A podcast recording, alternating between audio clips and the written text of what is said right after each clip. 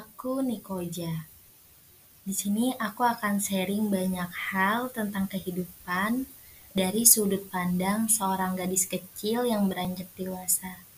Semoga teman-teman semua bisa ikut serta mendengarkan dan menemani gadis kecil ini dalam melalui masa-masa menuju dewasanya.